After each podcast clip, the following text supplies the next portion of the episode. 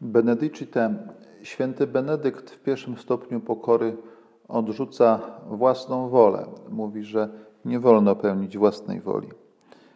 W pierwszym odruchu może nas mrozić, przerażać tego typu idea, aż tak dogłębnie idące wyrzeczenie, ale szybko dochodzimy do tego, że y, takie wyrzeczenie prowadzi do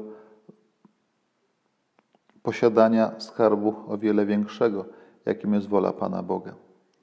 Czyją wolę lepiej pełnić? Swoją, ułomną, skończoną, niepewną, ślepą, taką, która do końca nie wie, czego chce?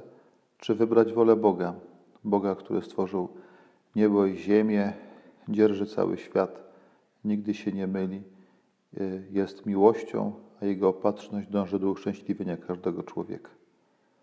Odpowiedź jest oczywista. Wybierzmy wolę Bożą.